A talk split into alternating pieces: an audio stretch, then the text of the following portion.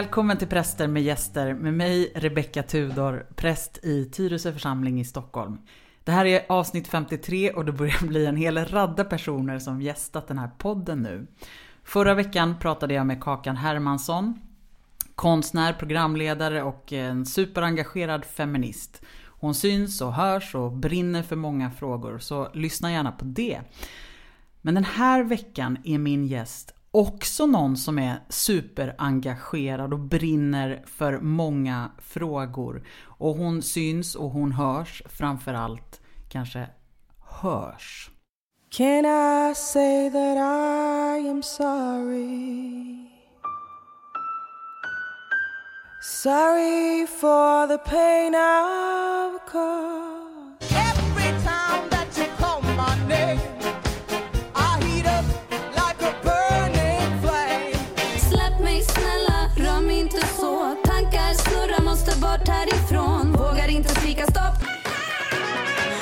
Låt mig vara din soldat. Har du också tänkt sista gången? Father,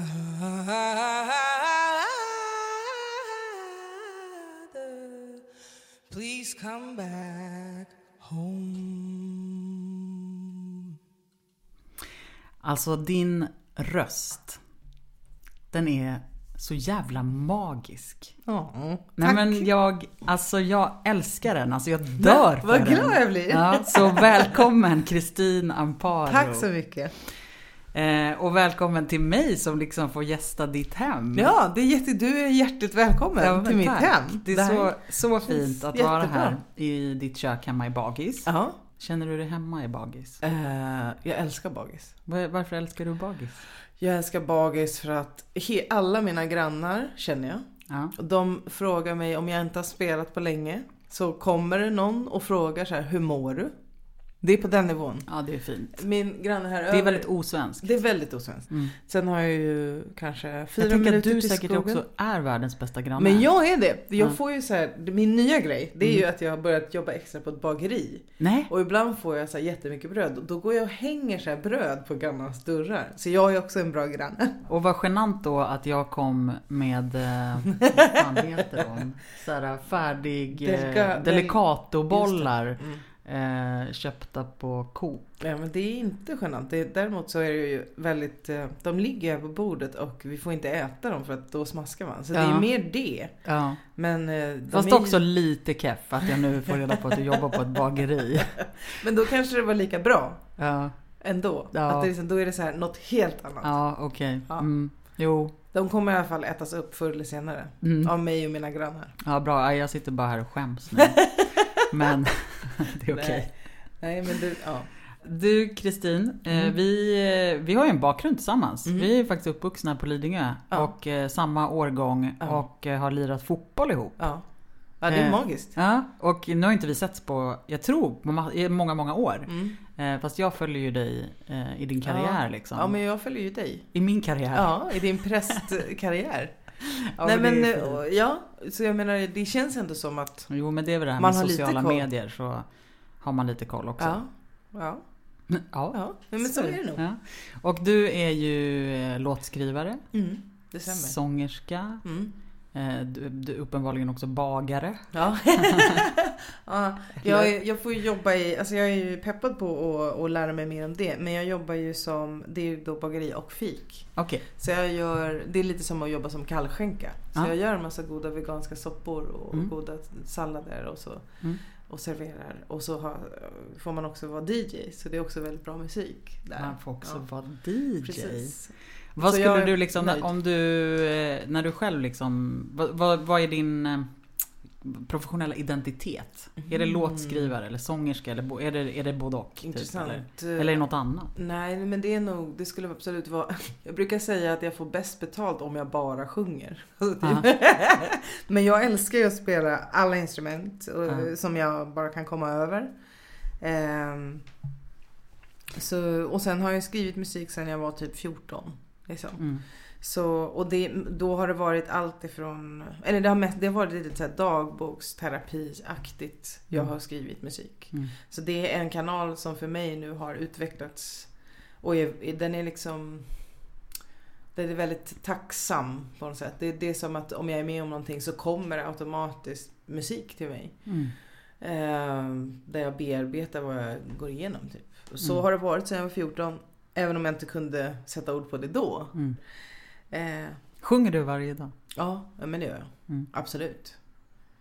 Eh, om jag inte gör det så är det, mina grannar har rätt. Om jag inte har gjort det på länge då, är det, då mår jag inte riktigt bra. Liksom. Nej. Ah, det var det du menade med Ja. grannarna Ja, frågade. ja, ja. Jag tänkte att det var att, de inte, att du inte hade haft något uppträdande. Nej, eller? nej, utan det är mer att De det är så här, att de kommer att knacka Ah. på så här, hej, Hur nu har vi inte, ja hur mår du? nu har vi inte Ah, hört dig spela på ett tag. Ja, men det- då, det är väldigt fint med Mm. grannarna på det sättet. Mm. Men, men det kan ju också vara att jag faktiskt har varit och rest eller vad som Ja. helst. Det behöver inte vara att jag mår bra för Men det. det är ändå så att det är ett tecken på att du ändå mår... Eller så här, om du inte sjunger så är det potentiellt ett tecken på att du inte mår bra. Ja. Jag har, ju, alltså jag har ju ett annat sätt som jag verkligen eh, är bra för mig. Det är ju att gråta. Mm. Alltså verkligen. Och då funkar det bäst för mig. jag har liksom lite olika så här jättefina meditationer. Mm. Som är så här jättekärleksfulla. Mm. Alltså där energin är bara så här, åh gud vad skönt.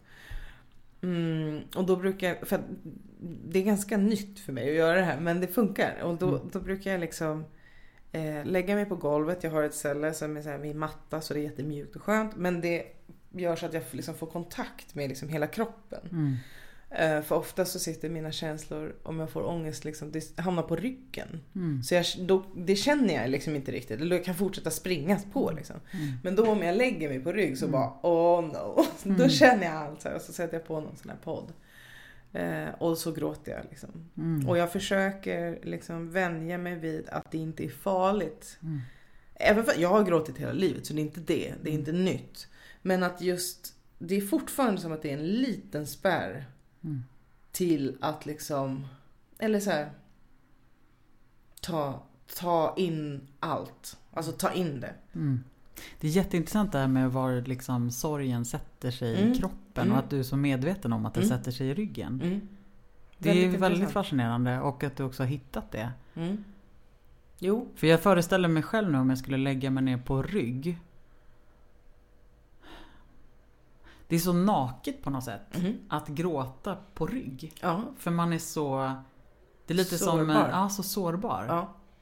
Så att jag liksom... När jag själv föreställer mig liksom...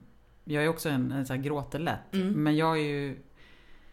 Kanske mera så här att jag är så sjukt lätt berörd. Att Mm. jag gråter Lite hela tiden om, hela tiden. om alltså, allt. Ja, alltså, och inte, inte så här i allt i vardagen, Nej. typ när vi... Ja, det kanske jag kan göra. Men, men mer att jag så här gråter. Alltså jag kan titta på Wahlgrens värld Ja, och börja gråta. Ja, jag För att då händer någonting litet som jag blev berörd av. Liksom. Eh, och då tänker jag att det är ju andra saker som sätter Mm. igång eller finns i kroppen. Liksom. Mm.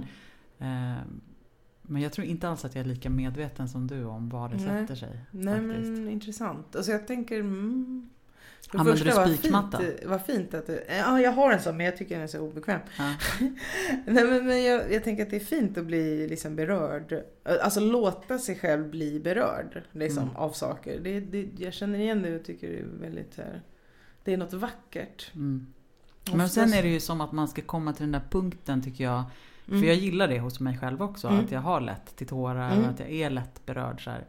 Eh, Men det har nog tagit ganska många år och kanske att jag fortfarande jobbar lite på det. Att släppa in andra Mm, i det. Liksom. Jag fattar. För att det är ju en sak att bli berörd till typ ett tv-program. Det Ja. är ganska osårbart. Mm. Alltså jag menar, då man kan skratta lite åt det och Mm. bara, nej men gråter du? Ja, Mm. nu blev jag liksom Mm. så här. Men att vara på riktigt bära Mm. på en sorg Mm. och sitta och gråta med en vän. Mm. Eh, Mm. där är jag Ja, inte jag riktigt. Ja, men jag kan intressant. längta efter att så här, Ja, vara jag. där liksom. Jag tror, för min del så skulle jag aldrig ha klarat typ mitt liv som det har varit. Om jag inte hade vågat öppna upp för det. Mm.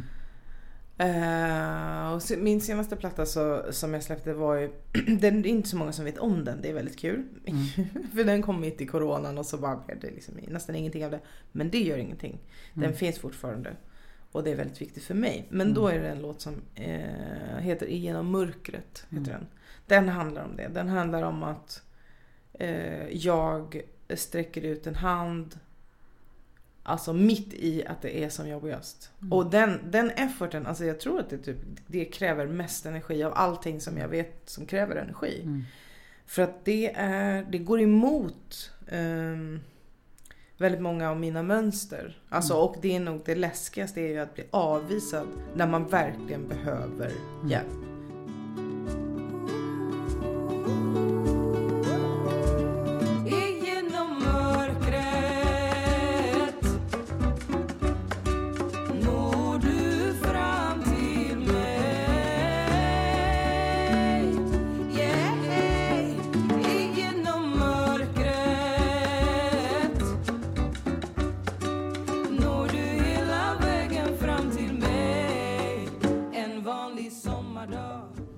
Frågade dig inför idag om du Mm. liksom, kallar du dig själv troende eller Mm. eh, liksom, har du något epitet? Liksom? Mm. Och då så sa du ja, men jag tror på Gud men eh, jag brukar inte definiera mig som troende men jag vet inte riktigt Mm. varför. Och liksom, alltså, Mm. vad, vem, vad, tänk- liksom, vad, hur ser Mm. din tro ut? Eller vem är Gud för dig? Liksom? Varför, är det, varför är det självklart för dig att säga att du tror på Gud? Ehm, det började väl med att jag... Min farmor, liksom, hon lärde mig att be. Liksom, som väldigt ung. Mhm. Och, och jag har liksom... ehm, Då har jag gjort det eftersom hon lärde mig det. Och det var väldigt... Det kändes liksom väldigt... Dels kändes det så här högtidligt. Alltså jag tyckte om när min far... Jag tyckte om när alla lärde mig saker när jag var liten. Alltså jag älskade den situationen. När någon Mm. bara, men det här, så här gör man det här. Typ. Jag, det, då trivs jag väldigt bra. Jag tycker om att lära mig nya grejer. Mm. Eh, och hon lärde mig liksom Gud, eh, barnen, vad heter den? Gud som, Gud som haver. Ja. Mm. Gud som haver. Och sen så liksom att jag skulle säga så här, välsigna mamma, Martin och pappa och mig själv lilla barn. Så här, den ordningen. Mm. Eh, och sen så, och så, så eh, utvecklades det för att jag liksom förstod liksom, efter ett tag, jag var jätte- ganska liten, alltså jag vet inte hur många år, men liten. Mm. Så bara, men min nalle då? Så här. Ja, Och sen så blev det så här oändligt långa böner. För att jag skulle kunna alltså be om allting Mm. som jag tyckte om. Så det var nästan som att jag liksom somnade på slutet. För att jag, så här, det var så många saker. Mm. Jag skulle, och sen kom jag på att jag kunde säga så här. Okej, ja, till slut blev det liksom en liten formel. Mm. Som blev så här, Gud som haver barnen kär. Och hela den. Och sen så välsigna allt och alla. Genom alla tider. Ehm, och ehm, dimensioner. Mm. Jättespeciellt. Mm. För, men, för det var också, mitt liv har ju liksom också utvecklats till att för jag har ju, haft, jag har ju adopterad. Mm. Så jag har ju liksom familj i ett annat land. Mm. Som jag inte har vetat om. om de, jag har bara vetat att jag kommer från någon annanstans. Mm. Så jag, har ju, jag är ju född med någon så här extremt stark längtan. Mm. Som jag då använder när jag liksom sjunger och musicerar. Det finns väldigt mycket som kommer därifrån.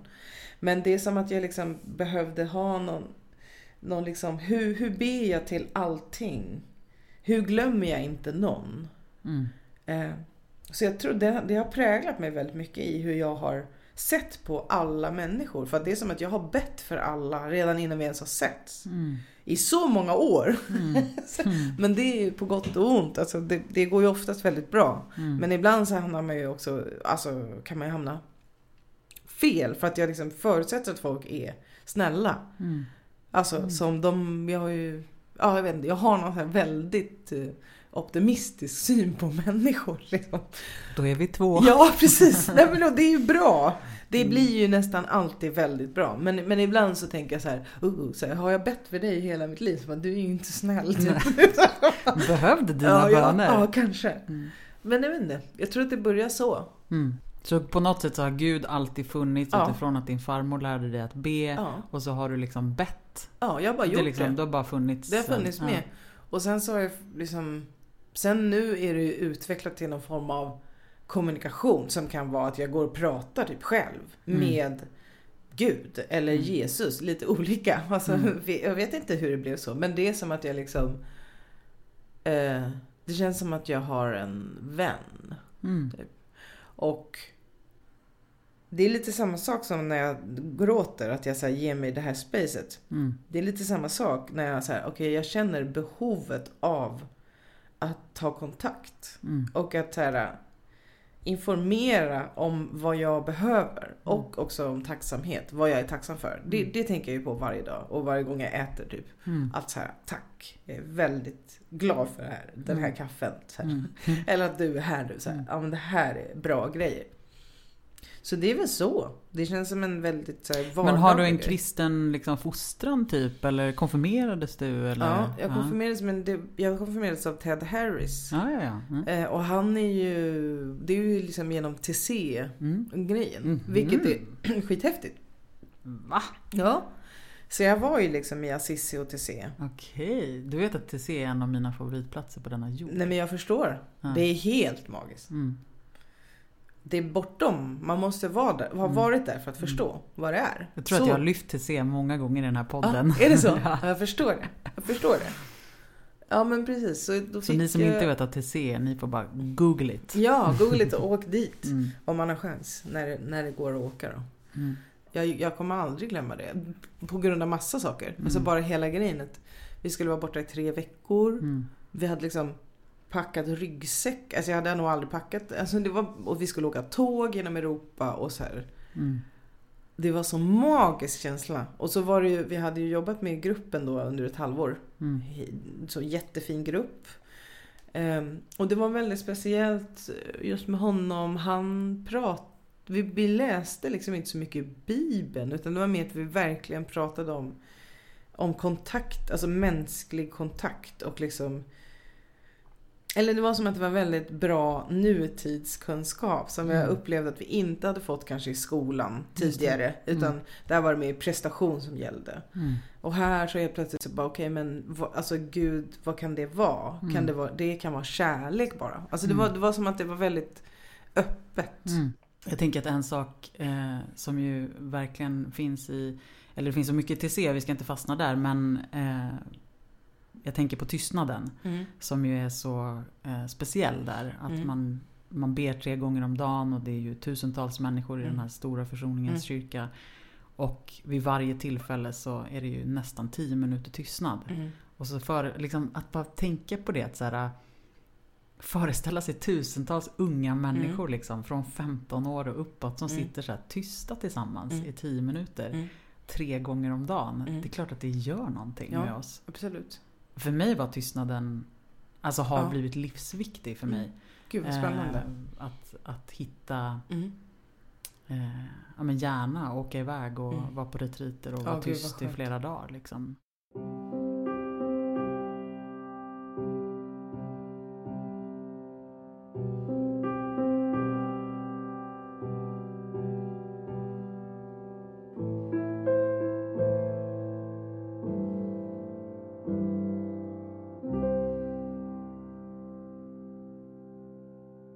En hel del av, av det här som på ett sätt vi har berört. Mm. Eh, för mig handlar det jättemycket om eh, närvaro. Mm. Ja, Att det är hela här, grejen. Ja, att både liksom alltså, känna sin egen närvaro förstås. Mm. Eh, att man är så närvarande. Mm. Eh, och att saker och ting känns på riktigt. Mm. Det är liksom, och för mig, jag har liksom, för mig är det definitionen av vad som är heligt. Mm. Det är när det känns på riktigt. När, när ett riktigt möte uppstår, Mm. då är det för att det är Mm. närvarande Mm. och närvaro. Mm. Och då finns liksom Gud med. Mm, Alltså då är. Gud är liksom närvaro. Eh, och ibland förlorar vi ju närvaron. Vi, vi känner oss inte närvarande eller vi, vi liksom lever på ytan av våra liv eller Mhm. vi lever på ytan i våra relationer.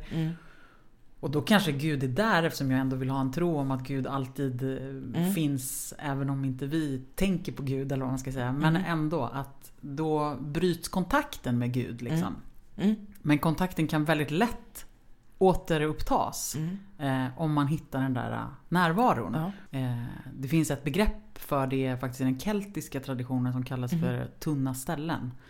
Eh, alltså när någonting, när liksom himlen bryter igenom. Mm. Alltså när man, Mm. det, det magiska uppstår Mm. liksom. Ja men då är man på ett tunt ställe. Det är Fint. liksom skit. Och det, Jättefint. ja, och, och, och det som kan också vara som att så här, tiden nästan stannar. jag liksom. fattar. Det är Ja. så kul för att exakt det du säger nu när jag träffar ungdomar och pratar om musik, Mm. då är det det här jag berättar. Det är Mm. exakt det här för mig är musik. Mm. Och, för att, och, och just den här... För det, och då när jag ska, om jag ska lära någon någonting om musik så handlar det om närvaro. Mm. Eh, och just den här, och det handlar om närvaro, om eh, ehm, tillit Mm. och att liksom följa och eh, det är lite som skådespeleri också men det här med impulser. Alltså Mm. att Mm. eh, för att jag ska kunna spela med någon så behöver båda vara närvarande. Mm. Och vi behöver höra varandra jättetydligt. Alltså ha jättestort fokus på lyssning. Men också inåt. Mm. Och sen så och sen eh, släppa taget. Mm. Och det, det är liksom det är, och, jag, och det är därför, jag tror verkligen det. Att det händer ju när man musicerar. Det, och liksom när en hel publik, det är lite samma sak som att vara tyst i TC. Mm. Alltså att när, när väldigt många människor riktar, riktar energin åt samma håll. Det är Mm. det som händer på konsert, alltså Mm. livekonsert. Mm. Och när, där upphör liksom tid och rum. Mm. Precis den här grejen. Och det brukar man ju liksom i olika traditioner runt om i världen så uttrycker olika musiker det här på olika sätt. Men Mm. det är absolut en spirituell upplevelse och många skulle säga att Gud är närvarande där Mm. med. Mm. Alltså där man släpper sitt ego och liksom fungerar som någon form av kanalisator. Alltså Mm. man kanaliserar Mm. energi, alltså kärlek egentligen. Och det är, så- så tänker jag Mm. med musik och när jag sjunger. Can I say that I am sorry? Sorry for the pain I've caused. Yes, I know I gave you all my words. I know them all so well. They meant nothing at all.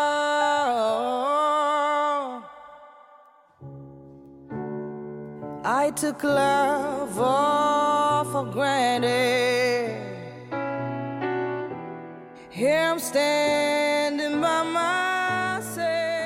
Slog du igenom som typ soloartist med Melodifestivalen eller? Kanske. Jag tror Ish. kanske det. Ja, Det var liksom Alltså, något, det- något det- typ av ja. genombrott i alla Ja, fall. men det var det nog. Eh, har du fått tacka nej till mycket för att det inte har känts på riktigt? Nu menar inte jag att Melodifestivalen Nej. inte Nej, var... men för det var. Nej, den visst. jävla låten är helt fantastisk tack. tycker jag. Det är helt sjukt att du inte... Ja. Ja. Hello! Gick till final och vann hela skiten. Men, men det är en annan sak. Ja. Eh, men, ja, men jag bara tänker att det är ju en annan kommersiell värld. Liksom. Alltså Precis. mycket av den världen du också befinner dig Ja. i är ju kommersiell. Ja, och, liksom, och det Ja, behöver inte... men, nej precis, men framförallt nu. Ditt budskap behövs ju där. Jag tänker så här, precis, jag tänker att liksom ordet kommersiell överhuvudtaget är ju, ja det skrämmer mig liksom inte längre. Mm. Men det gjorde, alltså jag, jag började ju ehm, jag, har, jag, jag har egentligen hållit på ganska mycket så underground-scener. Mm. Typ spelat jättemycket i Tyskland, massa soul. Jag har spelat jättemycket i Sverige och, och varit runt i världen och spelat. Men det är typ ingen... Det är, det är som att jag har... Det är ingen som vet vad jag gör. Mm. Alltså jag, jag liksom, det har inte heller varit min, mitt mål. Ja. Eh, För jag hade lite tidiga liksom, erfarenheter, eller när jag började spela, ganska dåliga erfarenheter av just det kommersiella rummet. Alltså Mm. hur folk blev jättekonstiga när de blev kända. Och jag kände så här, hur blir jag när jag är i den här rampljuset? Jag, jag, nej, och det var liksom kändisfester och hej och jag bara, jag går inte på den här grejen. Mm. Jag, jag, jag har inte, jag bara inte trivs liksom. Mm. Men, men det handlar, har också handlat om min egen resa. Att jag har liksom inte riktigt trivts. Jag har varit rädd för olika delar i mig själv. Mm. Eh, och nu har jag liksom jobbat, jag har gått massa terapi och liksom jag, jag har gjort, alltså jag har vänt på alla stenar. Mm. Liksom. Så nu vet jag, jag känner mig själv och jag är inte rädd. Mm. Och det betyder också att jag inte är rädd för några av de här rummen. Mm. Det gör inte mig någonting om det, om det är tusen kända personer och som vill fotas med mig. Mm. Jag, jag njuter inte av det men jag, tyck, jag bara jag fattar fenomenet. Okej nu är vi i den här, pla- på den här platsen, då gör man så här. Det. Det har ingenting med mig att göra egentligen. Mm. Men det är en, det är en lek. Mm. Liksom. Så. Men så nu, den musiken som jag kommer släppa nu, Mm. alltså nästa gång är ju då 7 maj, eller det är första singeln Mm. som jag släpper. i det här projektet som jag gör nu som är mer kommersiellt. Mm. Alltså som kommer antagligen spelas, i alla fall en del låtar kommer väl spelas på radio i målet. Ehm, och det är också första gången jag jobbar med ett skivbolag där jag så släpper, alltså jag har kontroll eller liksom jag tar hand om musiken Mm. tillsammans med olika producenter. Ehm, men jag släpper all annan kontroll liksom, Mm. runt. Just det. För, för, för, ja, jag har liksom på något sätt kommit ikapp. Mm. Ehm, jag känner inget, liksom, jag känner inget behov av att eh, jag menar, liksom, mitt ego är ganska lugnt. Typ. Mm. Mm. Vad härligt. Ja, så, men, men däremot så är det typ så här. eh, Det är som att... ehm, jag vet inte. Jag har en känsla, det kanske är med covid och hela den här grejen att så här. Okej, jag vill nå ut. Mm. Jag vill nå ut för jag vill beröra. Mm. Och, jag, och det är det viktigaste. Hur gör jag det? Okej, men då det här formatet. Mm. Okej, så gör jag musik som jag älskar. Mm. Men det, det är här och det betyder att det blir tillgängligt. Mm. Det kommer, det kommer leda något bra. Och det är ju en, ett, någon form av också kall. Mm. Känna, alltså här, okej nu är det dags för mig att ehm, ta den här platsen. Men du, vad är det för språk då? Eh, engelska blir det engelska nu blir det. Ja. Mm. För nu har du sjungit på eh, engelska, svenska, spanska. Ja, det är väl Mm. det. Mm. Men spanska, kunde du Spanska. eller har du lärt dig spanska? Jag har lärt mig spanska. Mm. Så, eh, och jag lär mig fortfarande precis nu, för bara några dagar sedan så fick jag ett eh, mest från min kompis där jag blivit eh, rekommenderad en spansk lärarinna. Mhm. Som jag ser jättemycket fram emot att börja Mm. jobba med. Liksom. Eh, för att jag älskar spanska. Mm. Där, alltså apropå rösten och själen och liksom allt det där så är det ju eh, Det är så häftigt för mig att prata spanska för det är som att själen Mm. connectar ännu mer. Det är en jättespeciell känsla. Så det var ju till förra, förra albumet som jag släppte så då har jag ju typ tre spår där som är på spanska. Och Och din röst är annorlunda på dem. ja, den är ju det. Den är faktiskt Ja, den det. är det. Alltså och, det och, den, och, jag, och det är liksom... ehm, så det där, där du har det- typ ett sånt djup Ja. i din röst. Ja. På, nu kommer jag bara Ja. ihåg den ena som heter Aurora. Ja, men visst. Alltså det, det är liksom som att hela din bara... allt bara får plats. Ja, Det, ja, jag fattar. det är ljuvligt. Det är För- faktiskt och, det, och det är ju det, det språket är ju... Alltså, det är spännande för det är olika saker. Även ehm, alltså om man tänker röstmässigt. Mm. Så är du också, du har ju väldigt... Du är nära, alltså du har ju en... Du är lång, alltså man säger, du är där du ska vara i din röst. Det hör, Mm. Jag hör ju sånt, jag är ju Mm. röstspecialist på Mm. något sätt. Utan att ha liksom någon degree i det så Mm. har jag ju koll på röst. Liksom. Mm. Eh, och här är det väldigt vanligt att man ofta, många pratar liksom så här och här uppe och de, det, Ja. det liksom, då kommer man inte ens Mm. åt. Mm. Och det är vanligt för kvinnor att de ska prata mycket ljusare än vad de ska prata ungefär så här, här någonstans för det är trevligt. Typ. Mm. Eh, så det är ju en aspekt att man liksom hittar eh, var man alltså vågar ta plats i sin Mm. kropp och vågar, röst, vågar att rösten ska liksom landa. Mm. Det, man blir en annan person. Mm. Alltså, så där kan man hjälpa väldigt mycket människor. Mm. Att hitta, att slappna av Mm. och att ta sig tiden Mm. att liksom varje ord får landa. Där Mm. kan man hjälpa hur mycket folk som helst. Men sen handlar det också om språket. Mm. Alltså att spanskan då svenskan har, har i olika formad. Mm. Så svenskan är ganska nasal. Mm. Och det liksom händer saker här framme och spanskan kan vara mycket mer Mm. rotad. Liksom. Så det, ja, det är så oändligt spännande tycker jag med allt det här.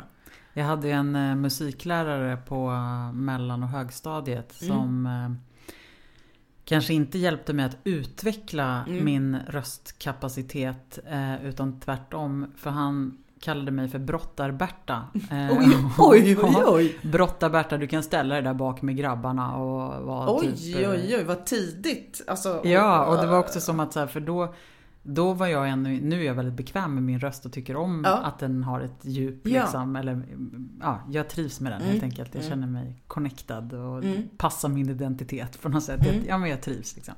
Men som barn var det ju ganska jobbigt att vara flicka med så mörk röst. Ja, och fick man då kommentarer liksom tidigt, det fanns ju inte... Men gud vad jag- out. Ja, det är så, och det så, på ett sätt kan jag tycka att det är tråkigt för jag kan tänka att jag tror att jag skulle kunna tycka att det var väldigt roligt att sjunga. Ja, Alltså att så här, ja. hitta sångrösten liksom. Ja, Men den glädjen kan man ju säga att han drog bort där ett tag. Men ska dock tilläggas att jag förstås har gått vidare från Ja, det ja, och som ja. präst så får man ju Sjunga. sjunga Mm. i liturgin. Och det är ju en helt annan, det är ju liksom också så här, det, det handlar ju inte om att, att sjunga vackert Mm. eller liksom, Mm. utan det handlar om att sjunga med närvaro. Eh, och att också tänka att det är, det är bön, Mm. jag ber Mm. liksom. Jag fint. behöver inte, det är inte ett performance liksom. Nej. Eh, och jag älskar det. Ja. Alltså jag Grattis. älskar Vad det. bra. Det är så fint.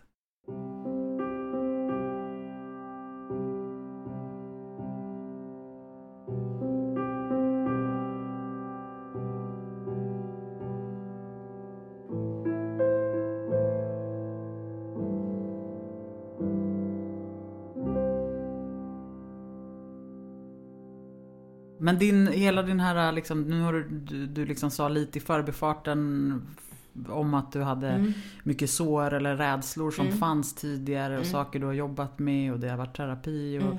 har det, det kanske har med hundra grejer att göra, det kanske är för Mm. privat men eh, har en del av det att göra med, med dina rötter, alltså din identitet eller din Absolut. liksom Ja. längtan efter att Ja. liksom hitta hem typ eller... Eh, Alltså det är ju sån brutal...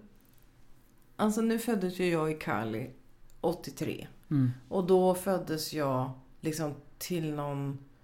Alltså jag föddes ju av en, en fin person som jag känner idag. Zoraida heter hon. mm, Hon var ju 20 år då. Mm. hon hade redan ett barn sedan tidigare. Och, hade, och som min, hennes mamma då, min mormor. Nu lever inte hon. Men eh, Marta heter hon. Och eh, hon tog liksom redan hand om det här första barnet. Alltså Mm. Andres Felipe. Min bror. Så, och de hade det, det var bara hur fattigt som helst. Och Mm. liksom, det var inte, ja, det fanns inga pengar och mam, mam, det, det, var bara inte bra. mm, Så eh, jag föddes helt enkelt och sen så direkt efter att jag var född så blev jag tagen till barnhem. Alltså direkt efter födseln. mm, Och den här grejen i sig skapar ju enorma problem. mm. Alltså som jag har behövt jobba med. Mm. Och jag fortfarande liksom på ett sätt Alltså att jag behöver hantera, att, även om nu, nu vet jag så här, okej nu triggas det här. Mm. Så då måste jag göra så här. Men, men där, just den här första separationen, den har ju varit, den har jag behövt jobba med. Mm. För att komma över på något sätt. Mm. Ehm, och sen så var jag på barnhem då i fem månader. Eh, och där var det heller, det var liksom inte något toppen. Det var inte, jag, jag menar folk överlevde ju. Mm. Men det är ju inte optimalt att vara utan sin mamma. Det är ju det enda man vill vara när man är nyfödd. Mm. Eh, och efter det så kom jag då till eh, Lidingö, en familj. Och eh, det blev ju någon form av antagligen räddning. Mm. Alltså där man får den uppmärksamheten som ett barn kräver. Alltså konstant uppmärksamhet. Mm. Ehm, och, eh, men sen så, precis, och så var det, vi hade jätte, jag är väldigt tacksam för allting eh, som har varit väldigt tryggt och bra. Jag gick på bra dagis, jag gick bra, alltså Mm. jag, jag har haft hur kul och bra uppväxt som helst också. Mm. Men sen så var det så att min pappa blev sjuk från att jag var fyra. Så fick han cancer. Mm. Och sen gick han bort när jag var elva. Mm. Och det var det, det, det blev nog lite, eller det var liksom, Mm. för han var den jag knöt an till. Mm. Liksom, han var min, ja men jag var liksom pappas flicka. Verkligen den.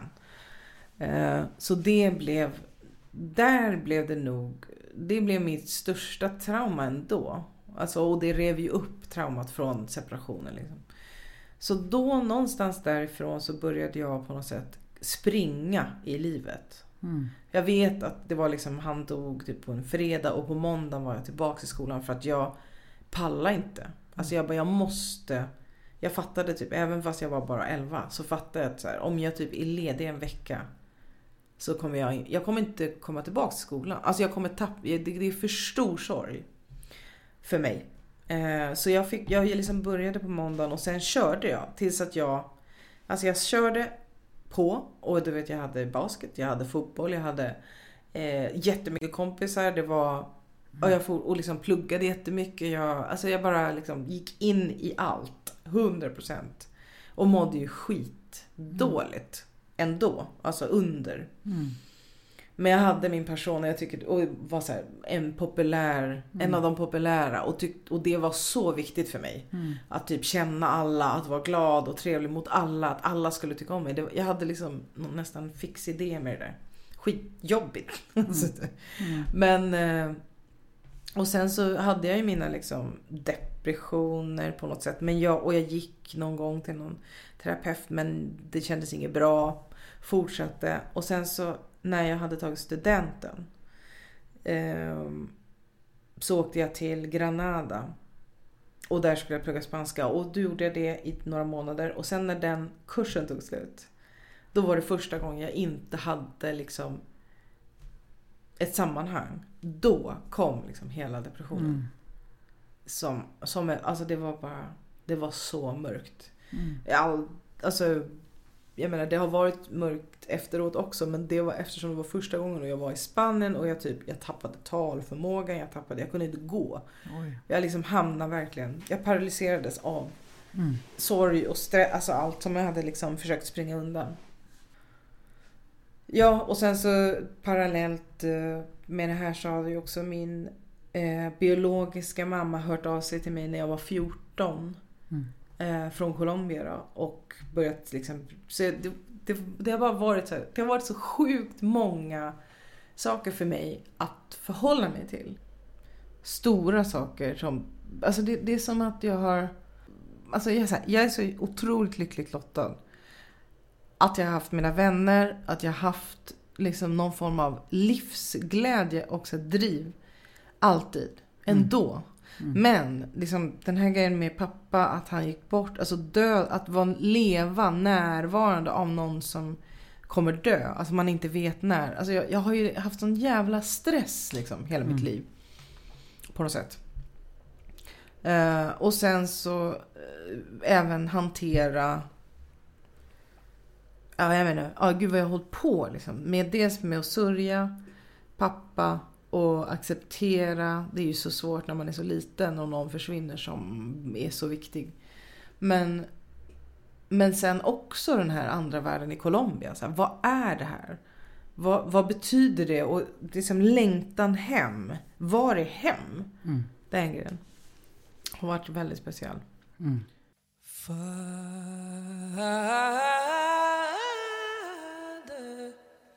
where are you gone? Father,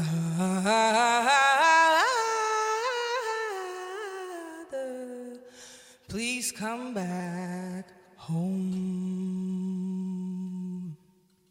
Har du liksom levt med skuldkänslor gentemot din biologiska familj? Att du har liksom, att du har fått de här möjligheterna eller? Alltså jag har ju absolut fått liksom jobba med hur jag ska förhålla mig till en familj som är fattig. Mm. Hur gör jag det? Så jag har ju haft skuldkänslor och typ b- gett pengar. Mm. Tills att jag fattat att jag kom, det är absolut inte min uppgift. Nej. Nej. Men eftersom det inte finns någon som säger det direkt. Alltså, utan man måste liksom bestämma själv. Alltså Mm. om jag hade varit miljonär eller liksom så här. Det spelar egentligen ingen roll. För att jag har ju, jag har uppenbarligen mer pengar än vad de har. Mm. Men eh, jag är inte här för... Jag är här för att hjälpa till. Liksom. Det gör jag redan. Mm. Men jag kan inte bära någon. Mm. Inte ens, alltså inte någon. Mm. Liksom. Mm. Jag kan finnas där för folk som behöver mig i Mm. perioder. Men att bära någon är omöjligt. Det, det är min känsla. Mm. Och det har verkligen, verkligen varit komplicerat. Och krävt otroligt mycket jobb med att ha en självkänsla. Att förstå att så här, okej, mina behov i den här relationen som jag har till min mamma till exempel. De, de kan bara bli tillfredsställda, eller liksom, det, om jag inte ger henne någonting. Mm. Mm. Ja, och då bara är det så. Mm. Har ni relation idag? Vi har en relation idag, men den är ju... eh, den kommer kunna vara bättre än vad den är just nu. Det är inte att den är dålig, att vi inte tycker om varandra, utan bara att vi hörs inte. Mm. Och, och eh, När var du i Colombia sist? kanske tre, alltså, två år sedan, tre. Ja, okej. Så jag har åkt liksom många Mm. gånger tillbaka, så jag, vi Mm. känner varandra. Mm. Eh, men det är först nu på senare tid som jag har landat i att här, ehm, ja, att inte, att om jag känner så här, nu blir jag utnyttjad. Så jag vill inte göra det här, då gör jag det inte. Mm.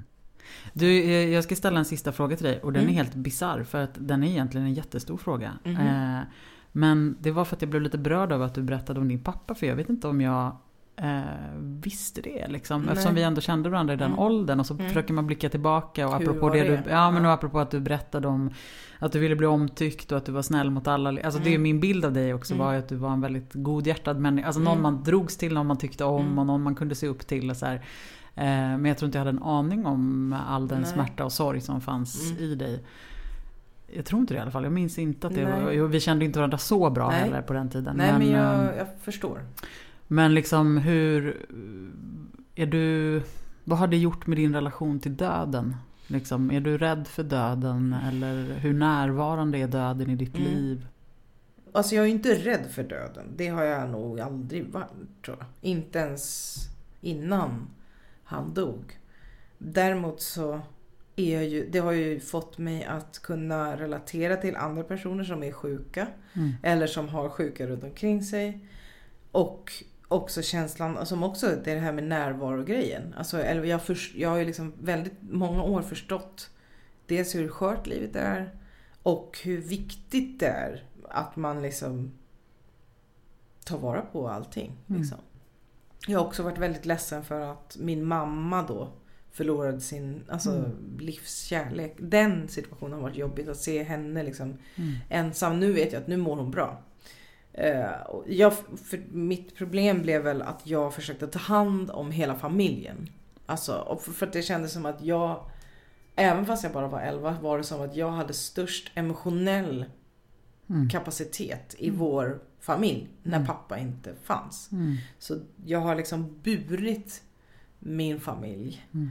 på olika sätt. Även om de inte har bett om det. Så var det som att jag fick en uppgift att så här, allt ska bli bra. Jag tar hand om det här. Mm. Det var liksom någon form. Det var också ett löfte till Gud. Alltså jag bara liksom, jag kommer göra så här. Mm. Eh, Men så det är också ganska nyligen som jag liksom har kunnat släppa kontaget och bara, Mm. men min mamma, det är hennes liv som har blivit sådär. Mm. Och det är helt okej, hon har det bra. Och jag måste bara lita på det. Okej, hon säger att det här är bra och hon liksom är ändå någorlunda aktiv och så här. Hon är ganska glad. Okej, bra, jag släpper det. Mm. Men det är först nu. Mm. Det har liksom tagit så mycket tid Mm. att hitta eh, ro. Mm. Så eh, jag ser fram emot, väldigt mycket fram emot allt som kommer Mm. nu liksom. Mm. Eh, Jag ser väldigt mycket fram emot, vad sa du, 7 maj? Ja, Det är ju bara några dagar kvar. jag vet. Det är på fredag. Vet du vad, när det här avsnittet har släppts, Mm. då eh, finns den låten ute. Ja. Gud vad roligt. Mm. Ja, det blir skitkul. Ja, Kristin, tusen tack för din generositet och eh, för att du är den du är och för att du eh, tackade ja till att du ville vara med i podden och Ja. lät mig komma hem till dig och få prata om saker på riktigt. Mm. Tack själv. Det var kul. Det är kul. Mm. ja, men jag längtar efter att ha podden. fler samtal med dig. Ja, jag Eh, med. det Det kanske kanske, vi blir får. lite basket och Mm. lite... Lite basket nice och häng. lite samtal. Ja. Mm, Det vore Det blir- skitkul. Ja, jag håller med. Tack kära lyssnare för att ni har varit med idag. På återseende. Hej!